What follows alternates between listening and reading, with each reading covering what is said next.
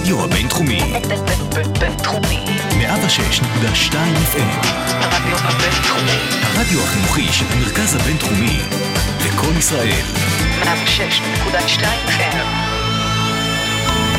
השעה הבינתחומית.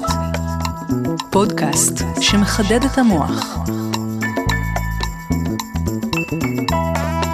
וברכה לכל המאזינות והמאזינים, אתם uh, מצטרפים לפרק נוסף של השער הבינתחומית כאן ברדיו הבינתחומי. אני ציקי ישי ואני שמח uh, לארח לצידי את uh, פרופסור בועז גנור, דיקן בית הספר לאודר לממשל, דיפלומטיה ואסטרטגיה, ומנהל המכון למדיניות נגד טרור כאן במרכז הבינתחומי בהרצליה. שלום בועז, מה שלומך? שלום ציקי, תודה שאתה מארח אותי בתוכנית שלך. Uh, תודה לך שהסכמת לבוא, uh, ובאמת צפו לנו שעה uh, מעניינת מאוד, לפחות על פי ככה הדברים שהכנת, שלחת לי לקראת הראיון, ונעשה רגע סדר uh, קצר בנושאים שנעסוק בהם היום. אנחנו נפתח מעלייתו של דאעש, uh, ארגון טרור שלאחרונה הפך למין uh, מותג טרור בשנים האחרונות. אז uh, אנחנו ננסה להבין מאיפה הוא צמח הארגון הזה, מה המקורות הכלכליים שלו, איזה סוגי פיגועים נעשים בשמו וכולי. לאחר מכן uh, נעבור לדוקטורינת הלוחמה בטרור של טראמפ, יחסי החוץ והביטחון של טראמפ במלואת uh, 100 ימים לכהונתו, uh, ונסיים עם הטרור באירופה, עם המניעים לטרור, עם המוכנות של היבשת הזאת למלחמה בטרור וכולי. אז uh, בואו נפתח באמת, כפי שאמרתי, מדאעש. אנחנו מדברים על uh, טרור, בשנים האחרונות נראה שצמח לנו מתחת לאף, או לא מתחת לאף, כנראה מתחת לאף שלך זה לא היה, אבל לפחות מתחת לאף של הבן אדם הממוצע, כן. ארגון טרור שהפך למותג uh, עולמי. אז אם תוכל בקצרה לתאר לנו את הרקע לעלייתו של דאעש, לצמיחה שלו ולהתבססות שלו עד איפה שהוא בעצם נמצא היום. תראה ציקי, הטרור זה לא תופעה חדשה, זה תופעה של העידן המודרני, הייתי אומר, צמחה, אה, התופעה הזאת, כפי שאנחנו מכירים אותה בעידן המודרני, צמחה איפשהו במחצית המאה הקודמת. וכשאני מנסה לתאר לסטודנטים שלי את התופעה הזאת שנקראת טרור, אני אומר, תחשבו על אופנה. אופנת הטרור. אה, אופנה באה ואופנה הולכת, אופנה מתחלפת באופנה חדשה, ולפעמים אפילו אופנה חוזרת אה, במקרים אה, שונים. ואנחנו רואים באמת גם את התנועתיות הזאת, את הדינמיות הזאת בהתפתחות הטרור המודרני, ובוודאי בתקופה הנוכחית. דאעש הוא הפרק ה... לא האחרון מבחינת מי שנועל את הרשימה, אבל האחרון מבחינה כרונולוגית, נכון לעכשיו, באופנת הטרור. אה, כאשר האופנה שקדמה לאופנה הזאת, בואו נראה אותך, מי הייתה האופנה שלפני דאעש? אל-קאידה, בדיוק. מחובר לאופנה. בדיוק, אני רואה שאתה מחובר. סטייליסט של כן. טרור, כן.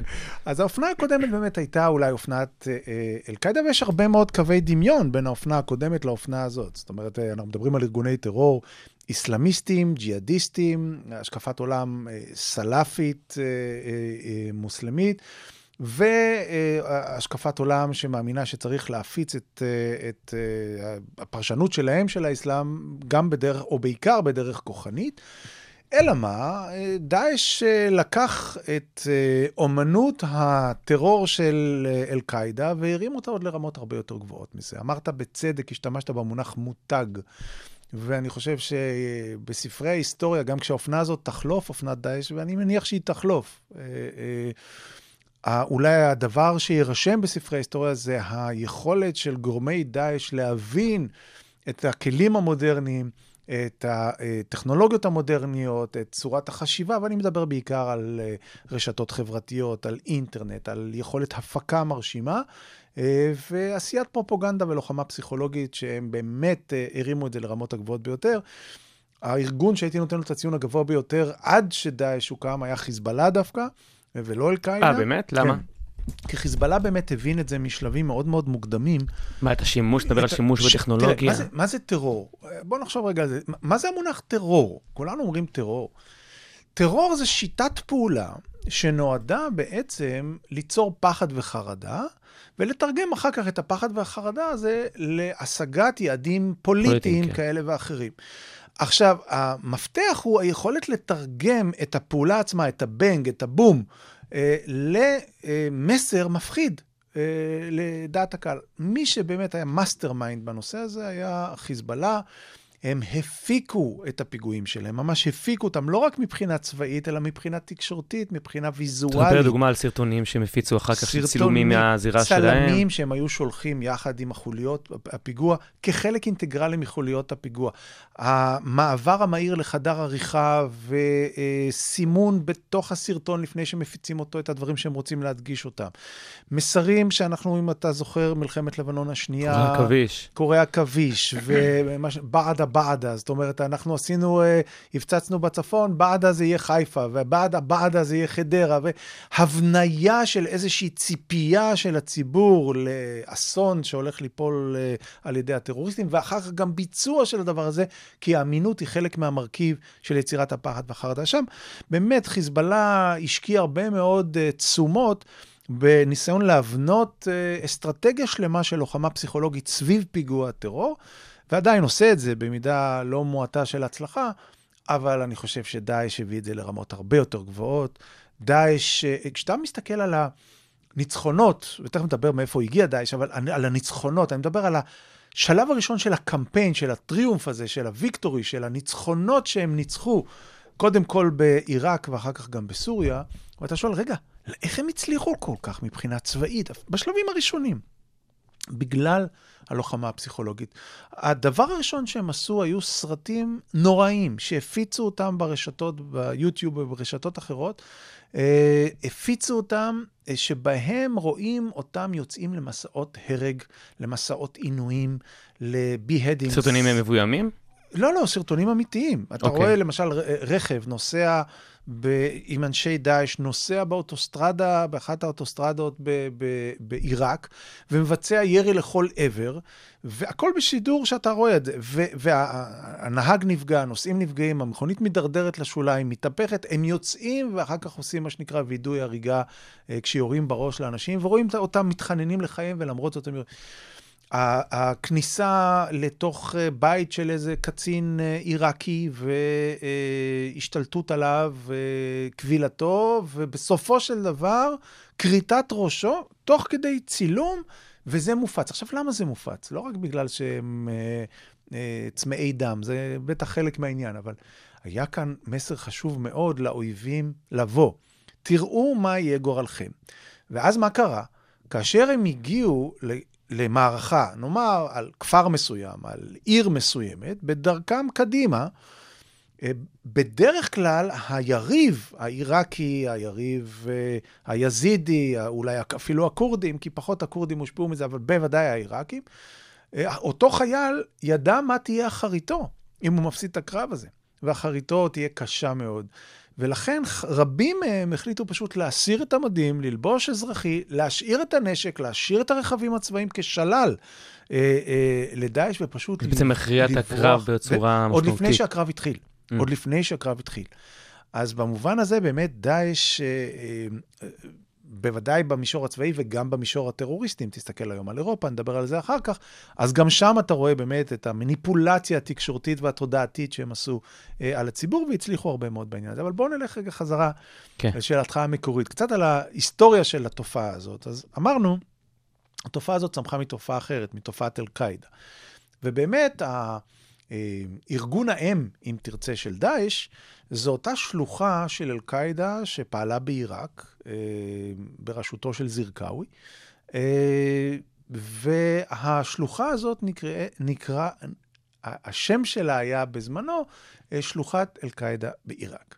והיא פעלה מול העיראקים, ואחר כך כשהאמריקאים הגיעו גם מול העיראקים, וכמובן ברגע שהתחילה המערכה וברגע שסדאם חוסיין נפל, זה נתן רוח גבית להתפתחות אותה זרוע, אותה שלוחה של אל-קאעידה בעיראק. לאל-קאעידה בעיראק היו הרבה מאוד מתחים מול אל-קאעידה באפגניסטן, אה, בגלל שהמנהיג המקומי לא בדיוק קיבל את מרותו של בן לאדן ושל מספר 2 באל-קאעידה אה, של זוואהירי, אבל השינוי הגדול חל דווקא כשהאמריקאים החליטו שהם אה, מתפנים מעיראק, החלטה של אובמה, והאמריקאים מפנים את החיילים שלהם משם.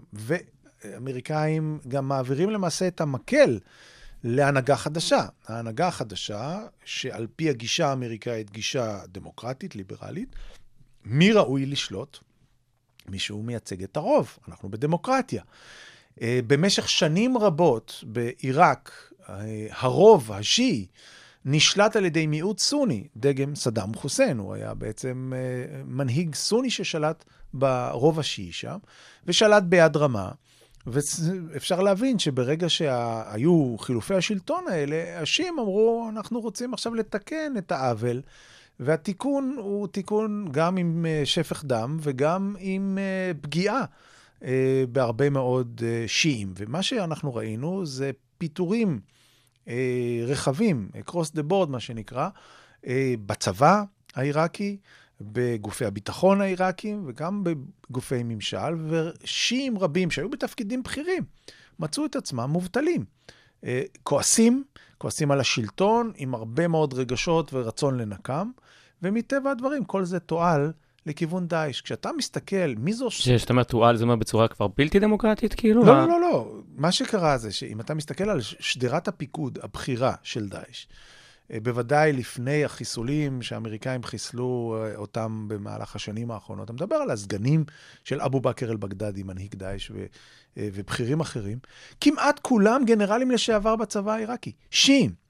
אה, שהופרשו, אני לא רוצה להגיד פרשו, נזרקו מהצבא אה, העיראקי, ומיד מצאו את הבית בתוך אה, דאעש. מה שזה עשה, זה הביא לדאעש באמת יכולות צבאיות של ארגון טרור, בדרך כלל אין. בכל זאת, מדובר על אנשים, אנשי צבא, שצמחו בתוך צבא עיראק, הגיעו לדרגות פיקוד בכירות, והם עכשיו פשוט אה, הפכו להיות מפקדים של בנדיטים, אבל הם, הם יודעים את העבודה שלהם. אם אתה משלב גם את ההצלחה, את היכולת הצבאית הגבוהה יחסית לארגון חדש, ואת הגאונות התעמולתית, זה אולי ההסבר הנוסחתי לאיך... בדיוק, לתוצאה הזאת... זה בא להתפוצץ משום מקום? לתוצאה הזאת של כיבושים, אני מדבר איתך על... 2014, אה, 2015 וחלק מ-2016, מסע ניצחון כמעט ללא התנגדויות. ומסע שמזין את עצמו, משום שהבריחה הזאת המבוהלת והשארת הציוד הצבאי, ציוד צבאי אמריקאי חדיש אה, שהושאר לצבא העיראקי, נופל לידיים... שהושאר בכוונה לצבא העיראקי. בוודאי, לא, כדי כן. שהם יוכלו לשלוט, אבל הם הפילו אותו לידיים של דאעש, אפשר להם כמובן גם יכולות צבאיות, גם אמצעים צבאיים. אה, ועוד דבר מעניין, המסע הזה יצר גם אינסנטיב בקרב צעירים מוסלמים רדיקליים שעברו תהליכי רדיקליזציה בכל העולם המוסלמי, גם במדינות ערב, גם במדינות האסלאם, אבל גם במדינות המערב, בתוך קהילות מוסלמיות, שרצו להצטרף לניצחון הזה. הנה, בואו תצטרפו אלינו. עכשיו, הרבה יותר קל להצטרף לניצחון מאשר להצטרף להפסדים. תשאל היום את אבו בכר אל-בגדדי, היום יש לו קושי לגייס אה, את אותם צעירים שגייס אותם עד עכשיו, בוודאי לא בכמויות שגייס אותם קודם, משום שהוא נתפס היום, ובצדק, כגורם שהוא בדעיכה, גורם שמפסיד ולא גורם שמנצח. כמובן שהקריאה הזאת לא רק התבססה על הניצחונות, היא התבססה גם על אה, אה, הקריאה הדתית, בואו תעשו את רצונו של האל, גם על הקריאה של אה, בואו תצטרפו לחינגה, אה, אם תרצו. אה, סוג כן, של חינגה. סוג של חינגה, אנחנו כן. אולי גם על זה נדבר בהמשך, כן. כן, אתה, אז דיברנו על התעמולה, על הכוח הצבאי שהיה להם, היכולת הצבאית שהייתה להם בהתחלה, ואני אשמח לקראת לך בנקודה נוספת, שהיום דאעש נחשב כארגון הטרור העשיר ביותר בהיסטוריה, אה, וכנראה גם רוב הכסף ממאגרי הנפט. ברעיון שהענקת למקור ראשון לפני כשנה וחצי, אמרת שזה שלא מפציצים את מאגרי הנפט הללו, זה כנראה מצביע על אינטרסים סמויים שקשורים בעניין. כן. אז אני אשמח לדעת, דבר ראשון, איך בכלל גוף טרור שהוא אה, לא יושב בתוך מדינה, אלא מתפשט, איך הוא יכול לנהל יכולת כלכלית. תחת האף של כולם, במיוחד זה קשור לנפט. כן. אני שמח שמצאת את השורה החצי סמויה הזאת ב- ב- בעיתון אה, של הרעיון, אבל באמת, אני חייב להגיד שעד היום אין לי פתרון לשאלה הזאת. אני, אני אסביר מיד את הדילמה. אבל אין לי פתרון לשאלה, מדוע האמריקאים לא עשו את הדבר שבעיניי הוא הכי טריוויאלי, הכי פשוט מבחינה צבאית, זה להפציץ שדות uh, נפט, uh, להפציץ שיירות נפט, להפציץ מתקני זיקוק ו- ודברים כאלה. תכף אולי ננסה להבין מה קרה שם, אבל uh, קודם כל אני מסתייג ממה שאמרתי אז, שהוא הארגון העשיר בהיסטוריה, הוא באמת היה הארגון העשיר בהיסטוריה, אני לא בטוח שהייתי מקנה לו כמו okay. כן. את, ה, את התואר הזה היום, היום הוא כבר סובל ממצב uh, uh, כלכלי uh, לא יציב, uh, וגם פה אנחנו רואים דעיכה ביכולתו של הארגון. עכשיו, קודם כל, מאיפה הוא שאב את העוצמה הזאת? המקור הראשון שהוא שאב את העוצמה הייתה מהשתלטות על כסף. אה, בכל מקום שהוא השתלט בו, הוא השתלט על הבנקים, הוא השתלט על מאגרי, מאגרים כלכליים במוסול. אנחנו מדברים אפילו על מטילי זהב, אנחנו מדברים על, על סכומי כסף מזומן מאוד גדולים, וכך זה היה מקור ראשון של הכנסה.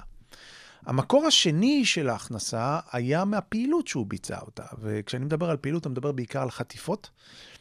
הכופר ו... ודרישת כופר ממדינות שונות, מארגונים שונים. ברמה אה, שזה עסק אה, מניב עד כדי כך? ברמה של מיליוני אה, דולרים פר, פר ראש. אה, והיו לו לא מעט ראשים שהוא אה, דרש את הכסף. לא תמיד אנחנו יודעים, אגב, במי, ממי הוא קיבל ומה הוא קיבל. מדינות לא נוטות לפרסם את הדברים האלה, וגם לא ארגונים. לפעמים הדרישה הייתה מול איזה קונגלומרט בינלאומי, שזה עובד שלו בכלל, וזה לא עבר דרך מדינה. זה התשלום אף אחד לא רוצה גם להודות שהוא שילם לארגון טרור, אז. זה נוח לכולם זה מתחת ל... אבל אנחנו יודעים שזה היה מקור משמעותי. אוקיי. שוד עתיקות ומכירתם בשוק השחור אה, של העתיקות גם כן היה מקור הכנסה משמעותי. והמקור שציינת אותו, המקור אה, של הנפט, כאן היו שני נעלמים. הנעלם הראשון זה הוא אותו נעלם שאמרנו אותו קודם. מדוע זה לא הופצץ, ולא הופצץ מהרגע הראשון? אגב, זה הופצץ, אבל זה הופצץ כשהרוסים נכנסו, והם אה, טיפלו בזה אחרת מהאמריקאים. ולכן, הם, הם אה, אה, אחת מהסיבות מדוע דאעש סובל אה, כלכלית כל כך, במובן הזה היום. השאלה השנייה הייתה, מה קורה שם בדיוק? זאת אומרת, אוקיי, נניח שיש לך שדות נפט, אה, כן אתה מצליח לזקק, לא מצליח לזקק, אני לא יודע, אבל אין לך מוצא לים. אז איך אתה מוכר את זה? אתה צריך לעבור דרך יבשה מסוימת שהיא לכאורה עוינת. או- וגם למי אתה מוכר את זה? ולמי... אה, אתה אומר, אבל- תמיד יהיו? כן, תמיד יש אה, סוחרי אה, אה, אה, שוק שחור שמוכנים לקנות כמעט כל דבר. אבל איך אתה מגיע אליהם? איך אתה מעביר אליהם את הסחורה? אתה צריך לעבור או דרך אדמה עיראקית, או דרך הטריטוריה האחרת. אה, כנראה המעבר המרכזי היה דווקא דרך טריטוריה טורקית. אה, וכאן אני רוצה לטעון, אין לי הוכחות, אבל אני רוצה לטעון שלא יכול להיות מצב ששיירות באופן תדיר וסדיר אה, של מכליות עוברות דרך הטריטוריה הטורקית, בלי שממשלת טורקיה יודעת על הדבר הזה, והיא, אה, והראיה היא שהיא לא מונעת את הדבר הזה. אז לכן זה הרמז של האינטרס הסמוי. זו תובנה די. מטלטלת מבחינת יחסים בינלאומיים. מאוד אם יש לך. דרך להוכיח אגב, את זה, אני אתה... לא, אני לא חושב שהיום זה המצב. אני חושב שהעמדה הטורקית השתנתה עם הזמן. אבל. בתחילת הדרך אתה אומר, אני מדבר, כן, אני מדבר על השנה, שנה וחצי הראשונות של הפעילות של דאעש, כשהוא גם היה בפרוספריטי כלכלי. אוקיי. טוב, אנחנו uh, נצא לג'ינגל ושיר קצר, ומיד אחריו uh, נקפוץ לארה"ב, לדוקטורינת הלוחמה בטרור של uh, טראמפ.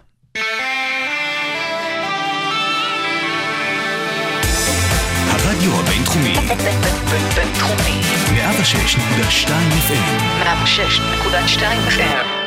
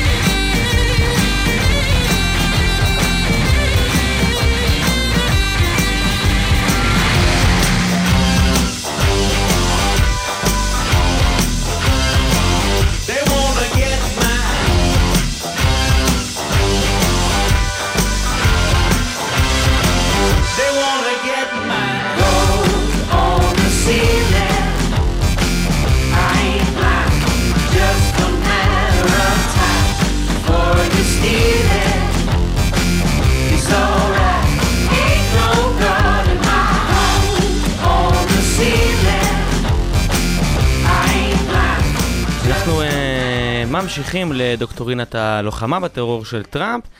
אה, בואו נעסוק קודם כל מה זה בכלל לוחמה בטרור. אה, במאמר שלך שעוסק בדיוק בנושא הזה, הסברת שבמשוואת הטרור יש שני משתנים עיקריים שיש לקחת בחשבון. אחד זה מוטיבציה ושניים זה יכולת מבצעית. אז אני אשמח אם תסביר מה זה בדיוק מוטיבציה, מה זה יכולת מבצעית ומה היכולת וההתכנות להילחם עם כל אחד מהגורמים הללו. עשית שיעורי בית, ציקי. אה, תראה, אם אני צריך לצמצ... לצמצם לשורה אחת את כל מה שלמדתי על טרור, ואני חוקר את התופעה הזאת אה, כמעט 35 שנה, אה, אם אני צריך לצמצם את זה או לתמצת את זה בשורה אחת, התשובה היא אני יכול לעשות את זה. אני קורא לזה משוואת הטרור. מה אומרת משוואת הטרור? משוואת הטרור אומרת שטרור הוא פונקציה של ש... אה, שני משתנים. משתנה אחד זה משתנה המוטיבציה, והמשתנה השני זה משתנה היכולת המבצעית. דהיינו, כשיש לך קבוצת אנשים שיש לה גם מוטיבציה לבצע פיגועים וגם יכולת מבצעית לממש את המוטיבציה, צפה פגיעה. סביר מאוד להניח שהם יבצעו פיגועי טרור נגדך, מסיבה כזו או מסיבה אחרת. עכשיו, אני מתייחס לזה כאל משוואה, משוואת כפל, שזה מוטיבציה כפול יכולת מבצעית. מדוע? כי אם משתנה אחד הוא אפס, הוא לא קיים, הרי שכל המשוואה מתאפסת. דהיינו, יש לך קבוצת אנשים שיש לה מוטיבציה, אבל אין לה יכולת מבצעית לממש את המוטיבציה, לא יהיה טרור. יש קבוצת אנשים שיש לה יכולת מבצעית, אבל אין לה מוטיבציה, גם לא יהיה טרור. מהמשוואה הבסיסית הזאת אנחנו יכולים להבין מה צריך להיות המשוואה או האסטרטגיה של הלוחמה בטרור. כדי להילחם אפקטיבית בטרור, אתה צריך גם לצמצם את המוטיבציות שמולידות טרור, וגם לצמצם את היכולות הצבאיות שמאפשרות לטרוריסטים לבצע את הפיגועים. אתה אומר שזה משוואה, שנייה לפני שאתה אומר איך להילחם, כן. אתה אומר שמוטיבציה כפול, ככל שיהיה יותר מוטיבציה, יהיה גם יותר יכולת מבצעית? לא, לא, לא בהכרח, לא, אין- בהכרח. ככל שיש יותר עומד בפני- מוטיבציה אוקיי. ויותר יכולת מבצעית, יהיה יותר ביחד, טרור. אוקיי. ככל שאחד מהמשתנים מתאפס, הוא אפס, הרי שלא יהיה טרור בכלל. עכשיו, כשאני חוזר חזרה למשוואת ה- הלוחמה בטרור, אני אה, אה, אומר שצריך להוריד את שני המשתנים האלה גם יחד, אבל easier said than done. למה? יש סתירה פנימית בין שני הדברים. כשאני אומר, תוריד את היכולות המבצעיות של ארגוני הטרור, תצמצם אותם. איך אפשר לעשות את זה? אני מכיר רק דרך אחת, תילחם בהם. תעצור אותם, תהרוג אותם אם צריך, ו- ו- וזה בסדר מבחינה אה, נורמטיבית. אה, תחרים להם את הכסף, תהרוס להם את אה, מחסני האמל"ח אה, והיכולות הצבאיות שלהם. ככל שתהיה יותר אפקטיבי ותשיג את היעדים שלך בטיפול ביכולות המבצעיות של ארגון הטרור, תרצה או לא תרצה, אתה מעלה את המוטיבציה שלהם לנקם. ולכן יש פה איך סתירה... זה מסתדר עם מה שאמרת על דאעש מקודם? שדווקא ככל שהוא יותר נכשל, אז יש ירידה במוטיבציה להתגייס אליו? לא, יש ירידה במוטיבציה להתגייס אליו, אבל עדיין במוטיבציה של דאעש עצמו, שם. בוודאי, אוקיי. יש מוטיבציית נקם מאוד גבוהה, אנחנו רואים את זה כל שני וחמישי, אנחנו רואים את כן. זה בפיגועים באירופה, אנחנו רואים את זה בכל רחבי העולם, אנחנו רואים את זה בהתבטאויות שלהם, שהם קוראים לכל האנשים, בואו תצטרפו. עכשיו, אה, כשאני מסתכל על המכלול השלם הזה, אני אומר, האומנות הזאת של המאבק בטרור מחייבת טיפול בשני המשתנים. נגד האפקט, בספרות אנחנו קוראים לזה אפקט הבומרנג. כשאתה פוגע בהם, אתה מעלה את המוטיבציה. נגד האפקט הזה, בוא תמצא את דרך, את שביל הזהב, שאתה מצליח גם לצמצם את היכולת וגם את המוטיבציה. עכשיו, כשאנחנו מדברים על הנשיא טראמפ, אנחנו חייבים להתחיל מזה שקדם לו, אה, הנשיא אובמה. הנשיא אובמה הבין את הצורך לטפל במוטיבציות, הדגיש את הצורך לטפל במוטיבציות. בעיניי עשה טעויות גדולות, אולי אפילו את כל הטעויות האפשריות בטיפול במוטיבציות. מה אתה מדבר על הדגשה של אה, אה, אסלאם מתון או דברים כן, כאלה? כן. הוא, אה, בצדק, לא רצה ולא היה צריך לצייר את העולם המוסלמי כבעיה. את האסלאם, את דת האסלאם כבעיה. הוא אה, אה, גם לא האמין בזה וגם חשב שזה לא נכון מבחינה אה, אופרטיבית לעשות דבר כזה. משום ש... תראה, אנחנו מדברים על כמה, מיליארד וחצי, ו- ו- מיליארד וחצי אה, מוסלמים בעולם. כמה באמת הם פעילי דאעש או אל-קאעידה או גורמי ג'יהאד אחרים? כמה תומכים בהם? אחוז קטן, שניים, שלושה, חמישה, עשרה אחוז, אני לא יודע. נכון, נו, שאתה לוקח את המספרים האלה ואתה מוציא מהם חמישה אחוז, אתה מגיע למיליונים רבים, אבל עדיין זה המיעוט שבמיעוט בתוך העולם המוסלמי. והגישה של אובמה הייתה, בוא לא אה, אה, נקים עלינו את כל העולם המוסלמי, להפך, בוא נראה אותם כבני ברית. והוא צודק בעניין הזה. השאלה רק איך אתה מגיע ליעד הזה. איך אתה הופך אותם לבני ברית, ועדיין עם מוטיבציה לטפל בבעיה הזאת. כשאני נשאלתי אה, בתקופתו של אה, אובמה על הדברים האלה, אמרתי, תראו, הדרך לעשות את זה היא להסביר לעולם המוסלמי המתון, שהוא ברובו חסר רצון לקחת חלק במערכה הזאת, אה, ולקחת... בשום את, צד, כאילו. ולקחת, כן, ולקחת את התפקיד ההיסטורי שהוא חייב לקחת, וזה לעמוד מול האסלאם הרדיקלי. למה? כי זה מסוכן וזה מפחיד, וחבל, למה להתעסק עם זה? איך אנחנו מאתגרים אותו שהוא יעשה את המשימה הזאת? זאת אומרת, לתמרץ בעצם את הגורמים שאמורים לקום כנגד. בדיוק. אוקיי. ואיך לעשות את זה? בעיניי הדרך לעשות את זה היא לא בלטאטא מתחת לשטיח את הבעיות שיש בעולם המוסלמי. אבל האמירה, אם אני צריך לתמצם את זה לאמירה אחת, אני הייתי בא לעולם המוסלמי ואומר להם, תראו, אין לי בעיה עם האסלאם, אבל יש בעיה קשה היום, באסלאם. באסלאם. כן. ומי שיכול וצריך לטפל בה, זה המוסלמים עצמם. את זה בוש לא היה מוכן להוציא, אה, סליחה, את זה אובמה לא היה מוכן להוציא מהפה. אבל זה גם הנקודת ההנחה שאת, למה את- אתה אומר את זה כאיזשהו אקסיומה, מצד שני אני יכול להגיד לך, למה זה שאני מוסלמי זה אשמתי שאנשים עושים בשם הדת שאני מאמין בפיגועים, מה זה אחריות שלי? אני צריך להתנער מזה? בוא אני אספר לך סיפור. אני הוזמנתי לתת הרצאה אה, בבריסל לפני מספר שנים. ולפני ההרצאה שלי, שאני נתתי כאן, הוא היה אימאם, אה, אם אני לא טועה, מסודאן הוא הגיע, בחור מבריק, מתון. והוא דיבר לקהל האירופי ואמר, איך אתם מעיזים להתייחס אל האסלאם כאילו זה משהו אה, נגטיבי, משהו שאלים. אתם יודעים מה זה דת האסלאם? דת האסלאם זה דת השלום והשלווה, דת האהבה. אתם משתמשים במונח ג'יהאד, ג'יהאד גלובלי, טרור ג'יהאדיסטי, אתם יודעים מה זה ג'יהאד? ג'יהאד זה לעשות את הדברים הנפלאים והטובים, מצוות, ולא את הזוועות האלה. עכשיו, הוא היה נורא משכנע, גם אותי.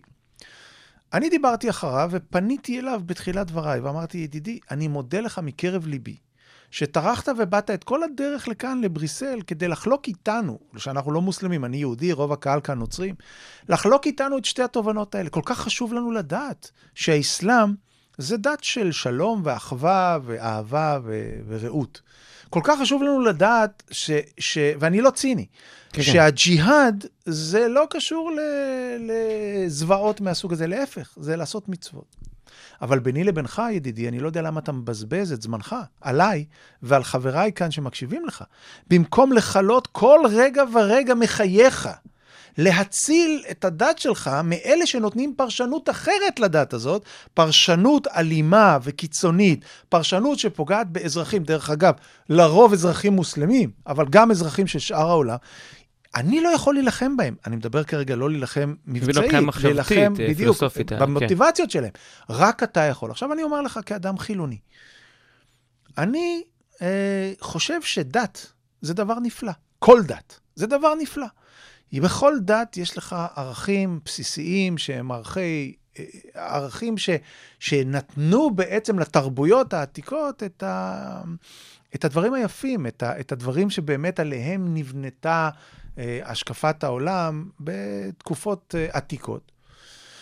ואתה מסתכל על הדבר הזה, ואתה אומר, הבעיה היא לא עם הדת הזו או עם הדת האחרת, הבעיה היא בפרשנות שניתנת לדברים.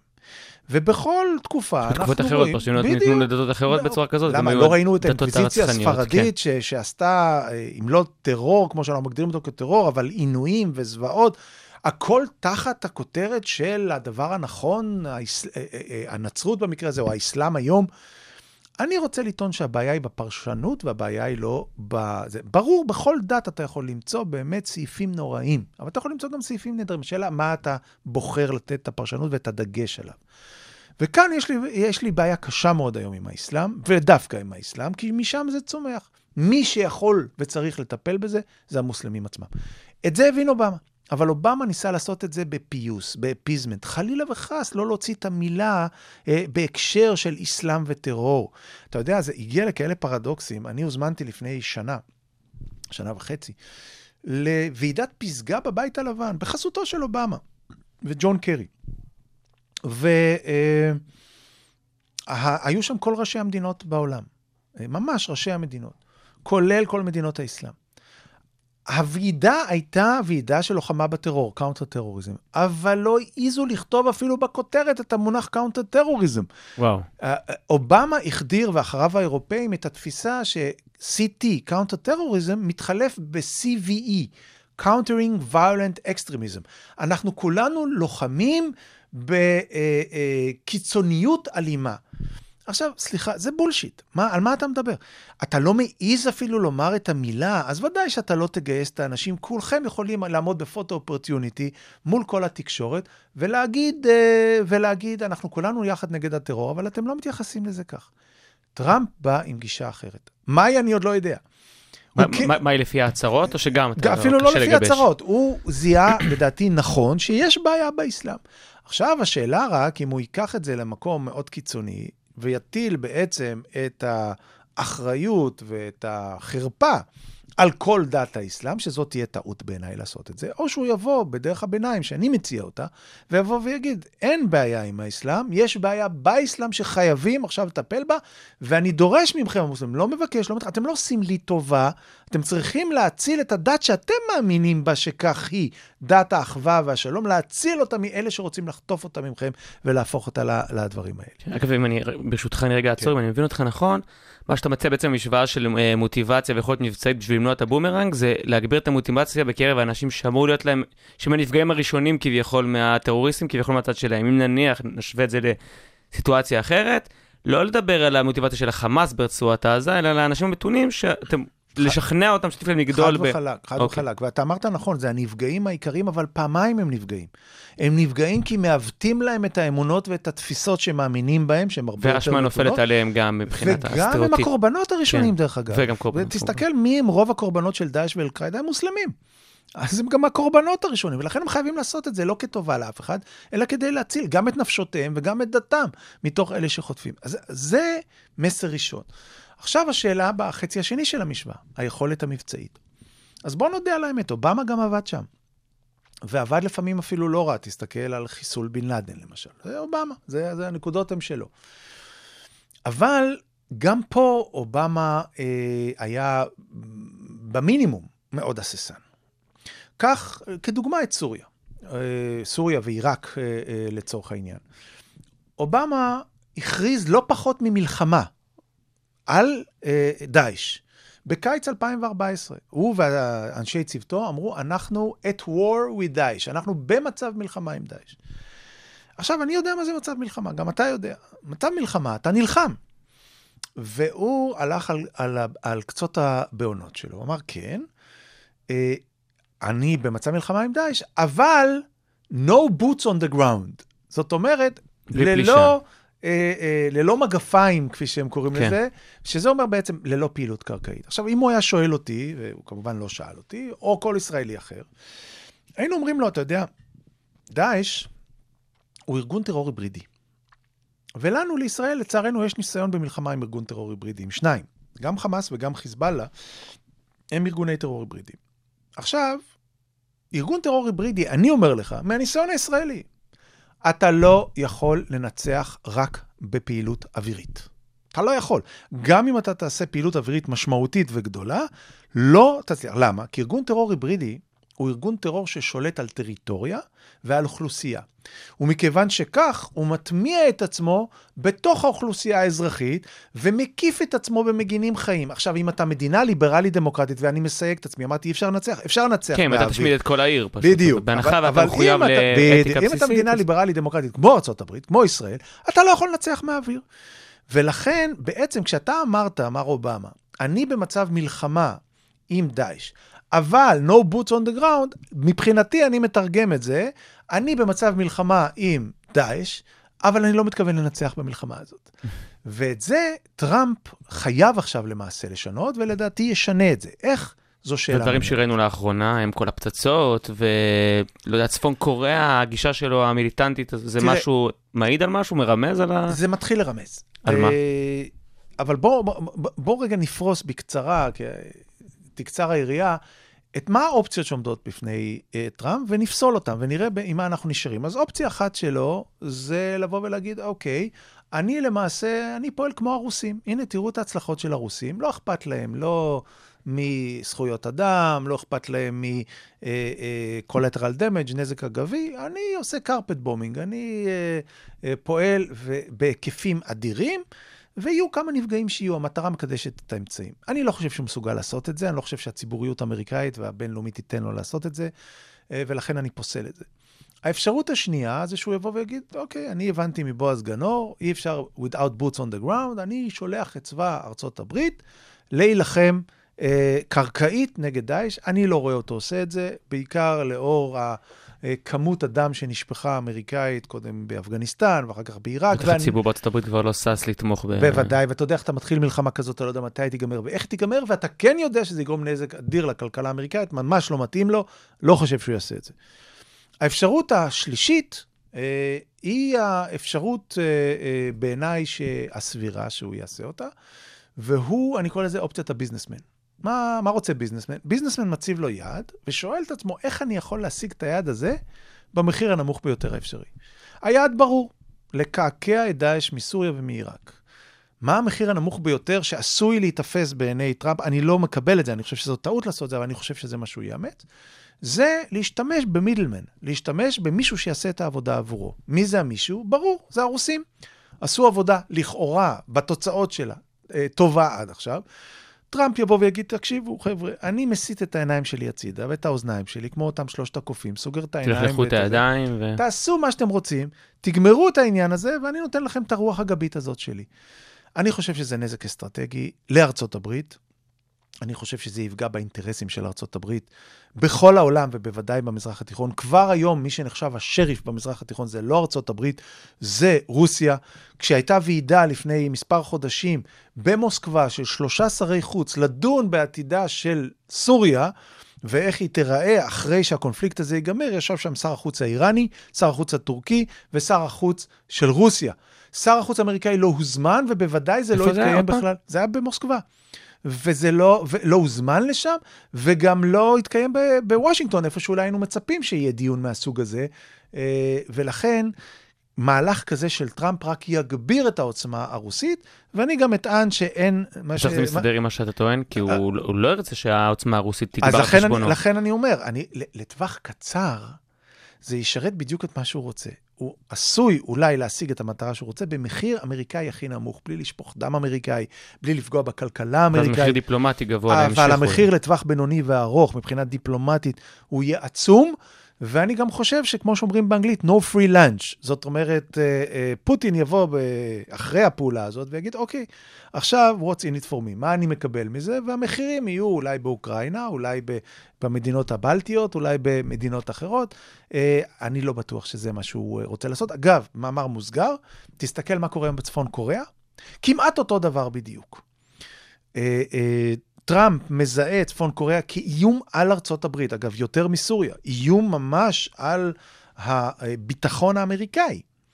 והמדיניות שהוא נוקט היא מדיניות הביזנסמן. הוא uh, קצת הלהיט את הרוחות, גם דרך מישהו באמצע? וזה, בוודאי, הסינים. הוא בא ואומר, אני סמוך ובטוח שהסינים יכולים לפתור את זה, יש להם השפעה על uh, מנהיג צפון קוריאה, ואני בטוח שהם יוציאו את ההרמונים מהאש. זו האופציה שהוא הולך. אם האופציה הזאת תיכשל, אני חושב שאנחנו נראה אה, הידרדרות למצב מלחמה, אולי אזורית, אולי אפילו גלובלית עקב הדבר הזה. אבל כרגע הוא שם את כל הצ'יפים שלו בסל של סין, שהיא תפתור למעשה את הבעיה, אופציית הביזנסמן. אוקיי, okay. אנחנו נצא לג'ינגל קצר, שיר ומיד אחריו אה, נחתום את התוכנית עם הטרור באירופה.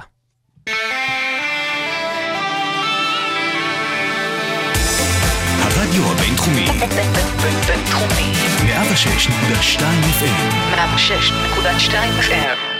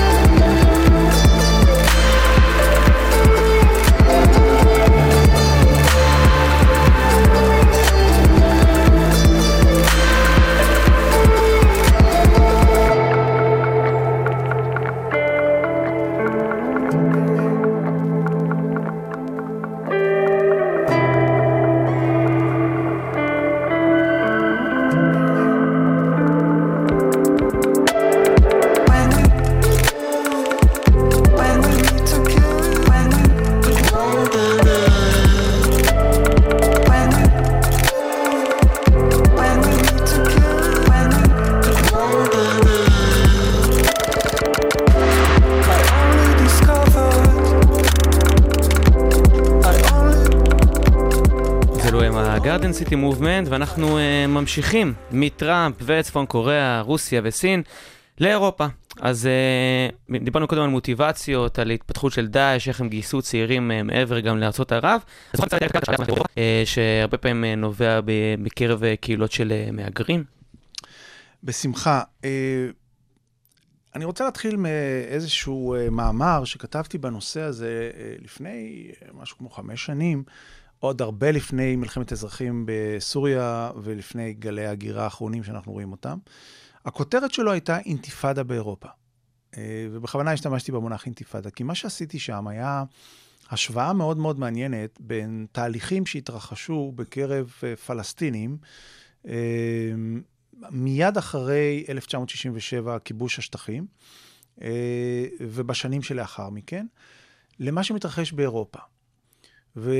ניסיתי להצביע על מגמות מאוד מאוד דומות בשני הדברים. עכשיו, האמת, נשמע נורא מוזר.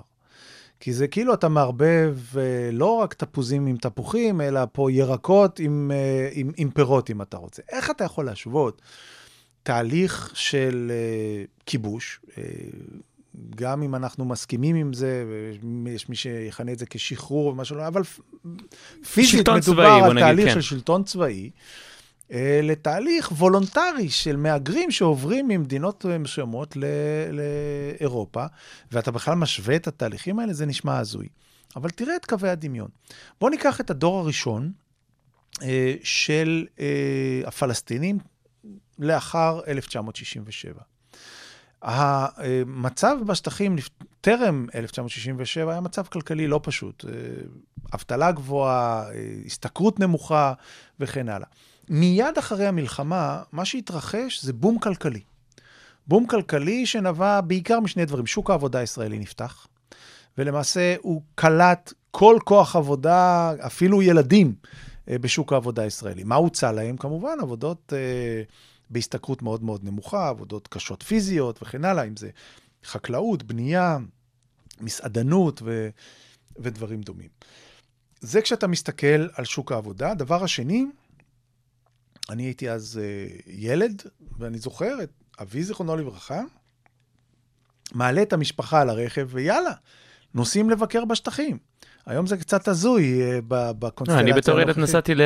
לירושלים דרך בית לחם. לא, בדיוק. זה לא היה שטחים אסורים. ומה עושה ישראלי טוב שמגיע לכל מקום, ובוודאי לשטחים? שני דברים. אוכל טוב, וקונה מזכרות. ושני הדברים האלה נתנו גם בום לכלכלה הפנימית בשטחים מיד לאחר המלחמה. המצב השתפר לפלאים. ו, ולכן גם הייתה די שביעות רצון מצד הפלסטינים משינוי הסטטוס. לא הייתה להם מדינה קודם, אין להם מדינה עכשיו, אבל רק התנאים הרבה יותר טובים. והראיה היא, יש שתי ראיות לזה. רוב הפיגועים הראשונים שבוצעו על ידי ארגון הפת"ח, בוצעו נגד השיירות של העובדים שיצאו מעזה לעבוד בתל אביב, כי הם רצו לחבל בהרגשה שהמצב בעצם רק השתפר. ערפאת בעצמו, שלא היה בשטחים כשהמלחמה הסתיימה, חדר לשטחים יחד עם המפקדים האחרים אה, בפת"ח וניסה להקים גרילה וטרור פנימי מקרב תושבי השטחים. הוא בסוף ברח, לא רק מחרדת ישראל, או אפילו לא בעיקר מהחרדה של מה הישראלים יעשו אם יתפסו אותו, מהחרדה של המקומיים שאיימו להסגיר אותו לישראלים, כי הם לא רצו את הדבר הזה. ולכן הסיטואציה הייתה אה, אה, יחסית טובה. הדור השני, סיפור אחר. הדור השני נולד לכיבוש. עכשיו, אני מאלה שמאמין שהכיבוש הישראלי, אם זה בכלל אפשרי, הוא כיבוש נאור. אה, כחייל, כקצין, שגם מצא את עצמו משרת בשטחים לפעמים, אה, בעבר. אני יודע שבאמת, בהשוואה לצבאות כובשים אחרים, אה, צה"ל הוא באמת מודל חיובי לחיקוי. אבל מה לעשות, כנראה אנשים לא רוצים להיות גם תחת כיבוש נאור, והם לא רוצים לפתוח את החלון ולא רוצים חייל שיחלק סוכריות. הם לא רוצים לראות את החיילים של, של עצמם ולא של האחרים שם. ובני הנוער, הדור השני, נוצר שם קתרזיס שלילי אה, נגד מדינת ישראל, נגד המצב הזה שהתמשך של הכיבוש. והראיה היא, מי בעצם נשא על גבו את האינתיפאדה? ההתקוממות העממית. זה לא טרור, זה התקוממות עממית, זה עולם אחר. אגב, היום יש זילות של המילה אינתיפאדה. אה, ארבע שריפות זה כבר אינתיפאדת שריפות, וחמישה סכינים זה כבר אינתיפאדת סכינים, ואינתיפאדת מדרגות, יש לך כל אינתיפאדה שאתה רוצה. אה, זה פשוט לא נכון, זה לא היה נכון אף פעם. יש גלי טרור, יש גל טרור של הצתות ויש גל טרור של סכינים, אבל זה לא אינתיפאדה, אינתיפאדה זה ההתקוממות של עשרות אלפים, ובסך הכל מאות אלפים, אה, של פלסטינים. וזה היה בני הדור השני. תסתכל על אירופה. הדור הראשון, אני רוצה לטעון, הדור הראשון של המהגרים המוסלמים לאירופה, מי הם? שני סוגים של אנשים. אנשים שנרדפו פוליטית במדינה שבה הם נמצאים, והיו צריכים קרש הצלה לחיים שלהם. ויותר מזה, אנשים שרצו לשפר את המצב הסוציו-כלכלי שלהם. המכנה המשותף של שניהם זה ששיא מאווייהם ושאיפותיהם בחיים היה שיאפשרו להם להגר למדינה אירופאית, והם יקבלו אזרחות של מדינה אירופאית, וזה מה שקרה. ביום שהם יסיימו את חייהם וייתנו לעצמם דין וחשבון על ערש דווי, מה ההישג הכי גדול שהם השיגו בחיים שלהם? זה שהם קיבלו אזרחות צרפתית, או גרמנית, או ספרדית, או איטלקית, או של כל מדינה אחרת.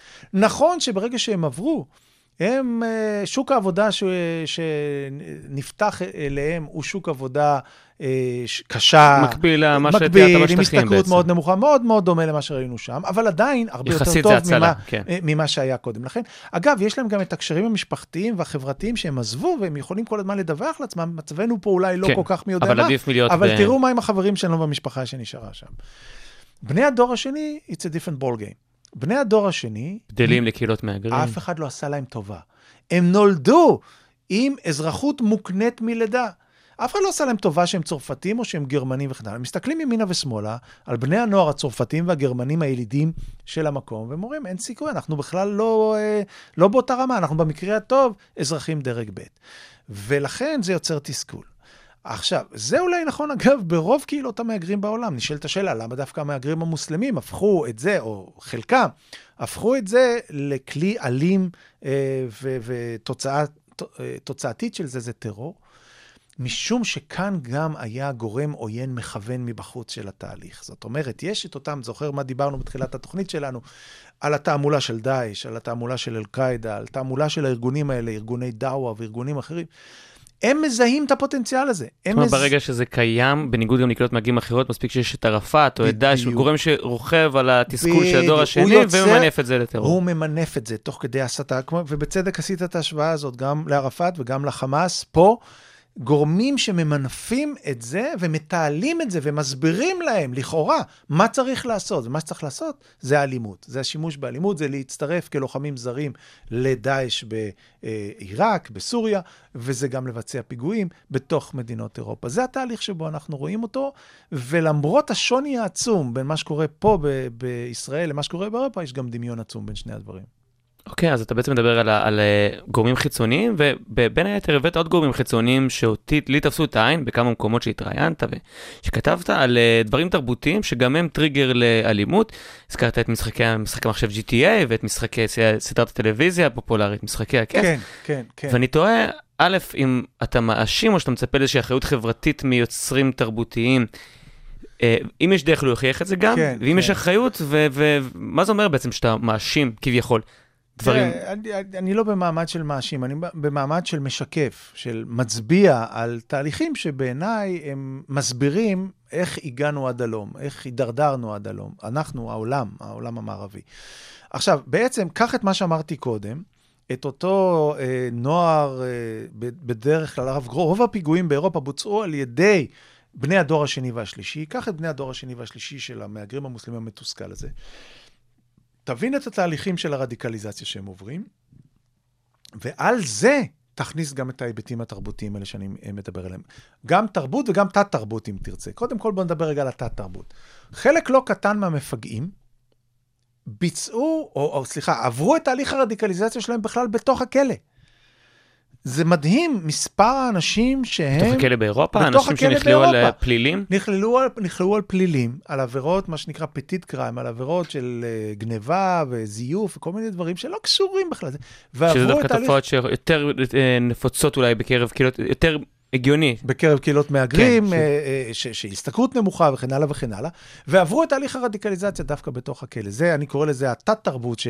שהביאה לתהליך הרדיקליזציה. Okay. לא? ובתרבות, אז תסתכל, דבר שקורה בכל מקום בעולם, זה כבר לא רק מהגרים מוסלמים, זה בכל מקום בעולם. אבל כשזה מתלבש על מה שדיבר, על התסכול הזה בתוך אה, קבוצת המהגרים הצעירים, או, או בני הדור השני של המהגרים הצעירים, אז אתה מבין את העוצמה. ואמרנו, למשל, המשחק הזה, אתה יודע, אני מסתכל אפילו בביתי, ואני רואה את ילדיי כשהיו צעירים יותר, בני נוער, משחקים במשחק שהוא מאוד פופולרי. אני חושב שרבים מהמאזינים שלך, בוודאי הצעירים, מכירים אותו, GTA, Grand Theft Auto. ואני מוצא את עצמי מסתכל במשחק שהם משחקים, ואני לא מאמין למראה עיניי. הם בעצם משחקים דאעש. הם משחקים קודם כל במשחק מאוד מאוד אלים, אה, מאוד מאוד ויזואלי, ומשחק שהוא אה, אה, מתעל אדרנלין לכיוונים שליליים, כי הם, הם לא משחקים את השוטר המגן או את החייל המציל, הם משחקים את הרוע. את הרוצח, את כן. הרוצח. ומה הוא עושה? הוא דורס במכוניות אנשים אה, אה, חפים מפשע, הוא מבצע ירי חסר הבחנה, הוא אה, מבצע אה, עינויים, וכן הלאה וכן הלאה. עכשיו, זו סיטואציה שבה, זה, זה מה שעושה את זה היום להרבה מאוד מבני הנוער בעולם. לבושתי, אני אומר לך, אני הסתכלתי על זה, ואני הבנתי איך האדרנלין עובר בדם. זה, זה כל כך מוחשי, שאתה באמת מוצא את עצמך מרותק לזה. ולכן לא צריך להתפלא שכשאנחנו, במכון למדיניות נגד טרור, בבינתחומי, אה, אה, עושים monitoring על הרשתות החברתיות של הג'יהאדיסטים, אנחנו מוצאים מודעה שאומרת, למה לכם לבזבז את הזמן שלכם במשחקים כאלה? בואו ותעשו את זה בחיים האמיתיים, איתנו, ב- בסוריה ובעיראק. אז זה דוגמה אחת. אה, דוגמה שנייה, משחקי הכס. סדרה מאוד מאוד פופולרית, אני גם כן מאוד אוהב לצפות, לצפות בה, וכשאני מסתכל על זה, אני רואה דאעש. אני רואה את כריתת הראשים, אני רואה את העינויים, אני רואה את האונס, אני רואה שם את כל הדברים הנוראים שהטרוריסטים של דאעש עושים. ולזה בני נוער נחשפים, מזדהים, אם תרצה. ובאקלים הנכון זה יכול להוביל גם באקלים הנכון לאלימות. אתה מתעל את זה לבואו תצטרפו ו- ותעשו את זה, ותוסיף לכל זה, תחתום את זה עם בשליחות אללה. זאת אומרת, זה לא רק של לזה. הנאה ומשכורת יפה וכל מה שאתם לא רוצים, זה גם בשליחות אללה. זה עסקה טובה.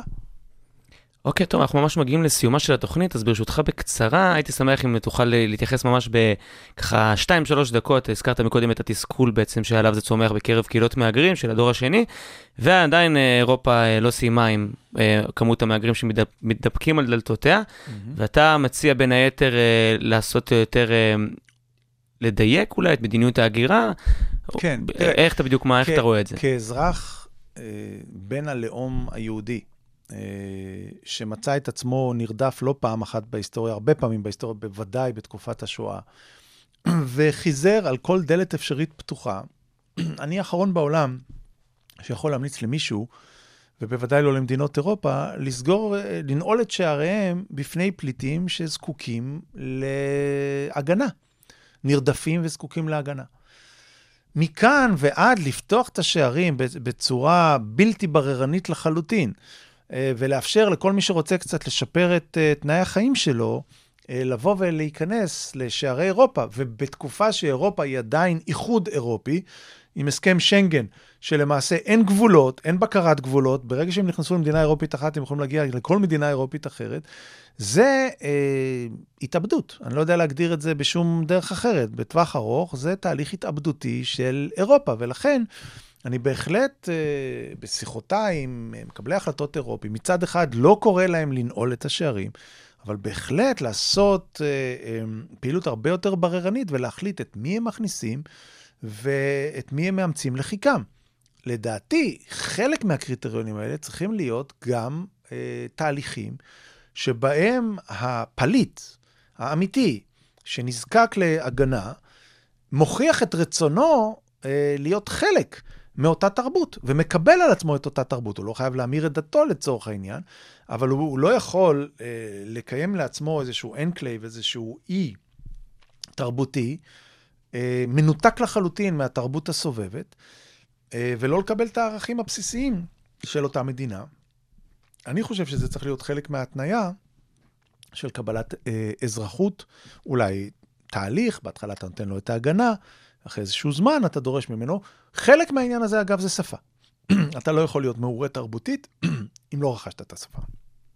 לכן אני חושב שזה חשוב מאוד. כן, גם מה שאתה מציע זה בעצם יכול, זה עלול גם בעצם, אה, הרי דיברנו על תסכול שצומח אחרי שהם עברו למדינה, אז גם אם בן אדם הוכח שאין לו עבר פלילי או זיקה לדאעש, זה יכול לצמוח בתוך מדינה שאליה הוא אה, היגר, אז אתה אומר אם מראש נבנה תהליכים מוסדיים, שיטמיעו אותו, יר- יר- ירכשו לו את השפה וכולי, אז זה יכול דווקא...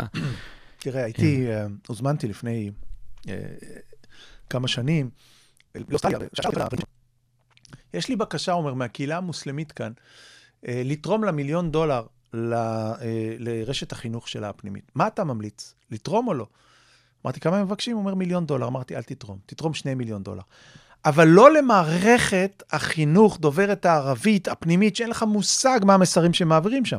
תרום להם שני מיליון דולר במלגות לאוניברסיטאות הטובות ביותר שיש לך, כדי ליצור באמת האינטגרציה החיונית הזאת שלהם, לפחות שהדור הבא יהיה דור שמעורה ולא דור שמתקומם נגדך.